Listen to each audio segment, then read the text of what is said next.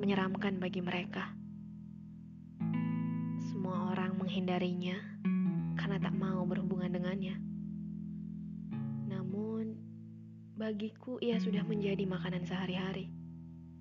Sepertinya ada saja yang kurang jika tak bersamanya.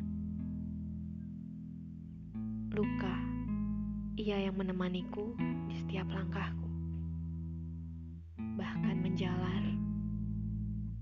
Ke separuh jiwaku.